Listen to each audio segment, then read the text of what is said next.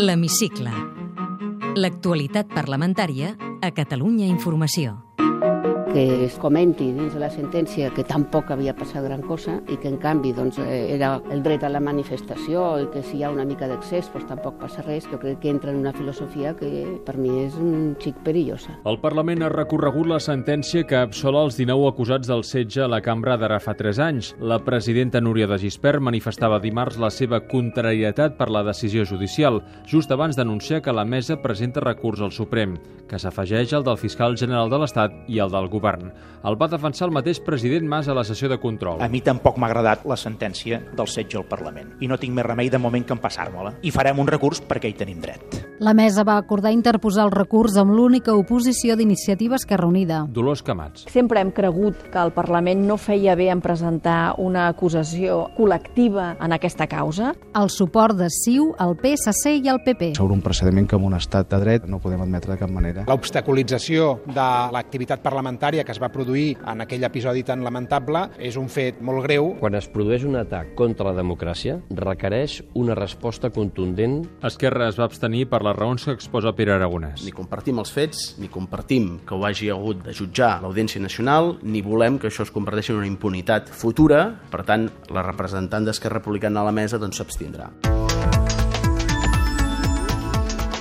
El ple específic sobre el món agrari ha aprovat 35 resolucions amb mesures per fomentar i defensar el sector. com ara garantir el finançament del programa de desenvolupament rural, elaborar un pla per erradicar espècies invasores o abordar un debat sobre els transgènics en una comissió d'estudi. El líder d'Unió de Pagesos, Joan Cavall, demana rapidesa per posar-les en marxa. que es torni a ficar les piles al govern doncs, amb el tema de mercats. Ens n'alegrem que els partits s'hagin reafirmat amb això, ara el que volem és que realment doncs, hi hagi compliment. El ple monogràfic també ha culminat reclamant al govern espanyol que adequi el repartiment de la política agrària comuna, la PAC, a les necessitats del sector primari català i un règim transitori de retribucions econòmiques per a les plantes de purins. El PSC lamenta una oportunitat perduda. Òscar Ordeig. Decepcionant, perquè hi ha compromisos econòmics, no n'hi ha, perquè ens hauria agradat treballar colze a colze amb el govern i no ens han deixat. Convergència i Unió i Esquerra Republicana han pactat propostes amb iniciativa Ciutadans i la CUP. A l'inici del debat dimecres, el president de la Generalitat, Artur Mas, va assegurar que s'ha donat compliment a una gran majoria de les resolucions de l'últim ple agrari. Ara fa 4 anys. D'aquestes 131 mesures, el 76% estan aplicades, 30 estan en procés d'aplicació, amb diferents eh, graus d'execució, per tant un 23%, i només una s'ha demostrat que no era viable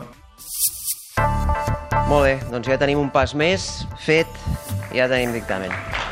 Aplaudiment dimarts a la Comissió de Benestar per l'aprovació del dictamen de la llei contra l'homofòbia. Celebrada pel portaveu del Front d'Alliberament Gai, Eugeni Rodríguez. Avui Catalunya escriu una data històrica. Mentre 77 països del món es persegueix l'homosexualitat, a Catalunya l'hem donat la volta. Hem decidit perseguir, erradicar l'homofòbia. El text aprovat sanciona qui discrimini gais, lesbianes, transexuals o bisexuals i exigeix una prova que no ho ha fet si rep una denúncia sòlida. També estableix el principi de coeducació perquè la diversitat sexual i els diferents models de família siguin respectats a l'escola. Qüestions que han dividit Convergència i Unió. Jordi Turull explica la diferència de vot. Si no fossin aspectes controvertits, no hi hauria hagut desacord. Són temes nuclears i nosaltres, en aquest tema, i vostè sap en d'altres, i nosaltres no ens en amaguem ni li donem cap dramatisme, doncs hi ha un criteri diferent i ens l'hem respectat.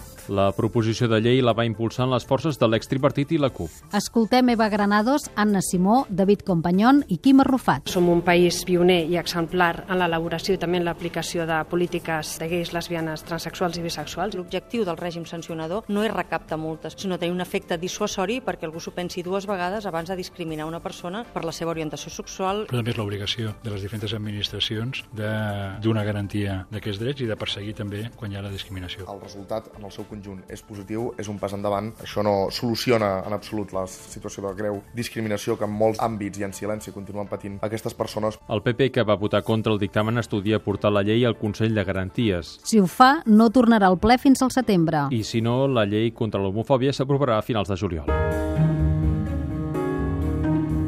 s'han tancat els treballs de la llei de consultes no referendàries, que s'aprovarà la setmana que ve en comissió. El PP ha donat per fet que el govern espanyol la recorrerà. Ho deia Alicia Sánchez Camacho a la sessió de control. Miri, senyor Mas, vostè sap perfectament que sol·licitarà la impugnació i la suspensió automàtica del seu decret de convocatòria i de la llei de consultes. La líder del PP català va instar el president de la Generalitat a demanar formalment una reunió amb Mariano Rajoy. Parli i demani formalment avui, al sortir d'aquí, al president del govern d'Espanya una reunió formal per dialogar en el marc de la llei. Està demanada. Altra cosa és que, si vostè a una persona li diu, escolti'm, jo estic a la seva disposició perquè ens veiem quan vostè vulgui i aquesta persona no li respon, vostè pot tenir la impressió de que no el volen veure. Això passava dijous. Divendres els dos presidents van concertar via telefònica la comentada reunió. A la sessió de control, Mas també va respondre a les crítiques a la reducció del nombre de llits hospitalaris a l'estiu i al col·lapse de les urgències a la Vall d'Hebron. Abans, Esquerra Iniciativa carregaven contra el conseller Boi Ruiz per això. Escoltem les diputades Alba Vergés i Marta Ribes. Tenir persones a urgències dos, tres, quatre i cinc dies és indigne, conseller. Està baixant la qualitat assistencial per a aquelles persones que entren per la porta d'urgències a un hospital català? Així la replicava el titular de Salut. En el cas del Vall d'Hebron s'ha iniciat un projecte des de fa uns quants mesos de reordenació i reorganització del servei d'urgències que en el seu moment donarà la seva, els seus resultats. El ple d'aquesta setmana ha donat el vistiplau al decret que reforma la llei de l'àrea metropolitana de Barcelona per crear un nou model de sanejament d'aigües residuals. L'AMB aportarà 800 milions a l'Agència Catalana de l'Aigua i l'ACA cedirà a l'AMB una part del cànon de l'aigua. El conseller d'Economia assegura que els ciutadans no en patiran les conseqüències al rebut de l'aigua. L'oposició denuncia una operació d'enginyeria financera per aixugar dèficit i privatitzar depuradores. Sentim Andreu Mascolell. I el diputat socialista Jordi Terrades. La ciutadania ciutadania no veurà incrementat el cànon de l'aigua. L'ACA seguirà sent la única responsable del cànon de l'aigua a tot Catalunya. Vostès van fer uns pressupostos que ja sabien que no podien complir. Els hi faltaven 2.300 milions d'euros. Ja ens van dir, no us preocupin, vendrem patrimoni i externalitzarem les depuradores, ens van dir. I vet aquí el resultat. Amb aquest decret, el que volen externalitzar no són les depuradores, el que volen externalitzar és el cànon de l'aigua. 65 i 65. Tornem a estar empatats. Si en la tercera votació persisteix l'empat, queda rebutjada. Dijous es va produir una situació molt poc habitual al Parlament. En la votació d'una moció hi va haver un empat. Es va tornar a votar per desempatar i en mantenir-se la igualtat es va reintentar desfer l'equilibri un tercer cop sense èxit. Segons el reglament, quan passa això, el punt de cau. Tot plegat per un text d'iniciativa que demanava reconèixer el dret d'autodeterminació de palestins, kurds i saharauis. Els vots de Convergència i Unió i el PP en van tombar la major part. Més breument, apuntem que hi haurà comissió d'investigació parlamentària sobre la fallida d'Espaner. La impulsa Ciutadans, que ha aconseguit la signatura de tots els grups, inclòs el de Convergència i Unió. Albert Rivera. Nosaltres el que pretenem amb aquesta comissió és posar llum i taquígrafs al forat a la caixa negra de 185 milions d'euros de diner públic que van anar a parar una companyia fallida, una companyia que va costar un euro. Aquest ha estat l'últim ple en què Joan Ignasi Helena s'ha assegut a la bancada socialista. El pròxim ple no hi serà per motius personals. I li ha comunicat al futur líder del PSC, Miquel Iceta, que al setembre decidirà si deixa l'escó o passa a ser diputat no adscrit. Ell ja s'ha manifestat que en el sentit de que si marxava de, del grup parlamentari doncs havia d'abandonar l'escó, però hem quedat doncs, que això jo prendré aquesta decisió aquestes setmanes properes i abans de començar el període de sessions faríem això. El conseller Espadaler anuncia que en tornar de l'estiu el seu departament començarà a preparar la llei per regular l'ús del vel integral. El titular d'Interior diu que tindrà en compte la recent sentència del Tribunal d'Estrasburg sobre el burca. Ho va dir a la sessió de control de dijous. La sentència del Tribunal de Drets Humans d'Estrasburg de, ens dona una nova perspectiva. Ens aproxima al tema particular de la burca des de la perspectiva de seguretat i també de dignitat de la dona. Aquest és un canvi i, per tant, tot allò que fem fem en relació a la llei respecte a l'espai públic ho haurem de fer des d'aquesta nova perspectiva. Té la paraula. Rafael Luna, del grup parlamentari popular. En una frase. Senyor Rafael Luna, Què n'espera de Felip VI? Que faci les reformes que siguin necessàries. Està per un referèndum de monarquia o república? Jo no. Creu que Catalunya ha de ser un estat? No. Què passa si la consulta que planteja el president Mas és impugnada? Pues que no té vigència. Una reforma constitucional pot ajudar a encaixar Catalunya dins Espanya? Podria ser. Preveu eleccions anticipades? No. Quina injustícia l'enerva més a Catalunya? Que no se respectin les opinions. Percep símptomes de recuperació econòmica? I tant. Quan acabarà la crisi? El 2015 començarem a veure un sorgiment de l'economia bastant important. Ha estat mai a la cua de l'atur? Fa molts anys, però ho he estat. Si es queda sense feina, quina és la primera porta que trucaria? Totes.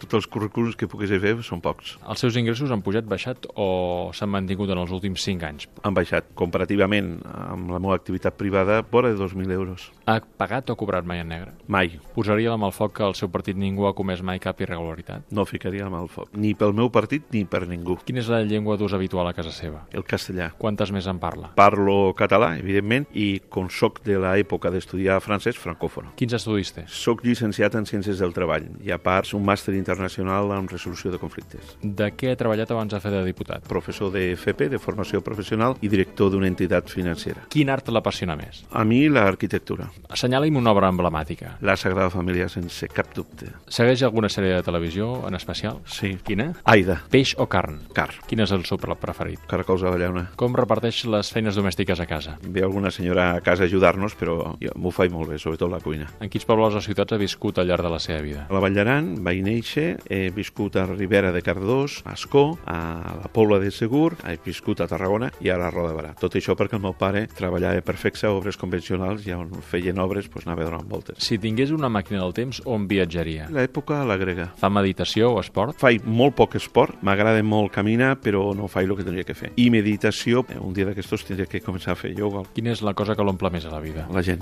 Creu a l'amor a primera vista? Sí. Amb quin sex símbol compartiria una estona?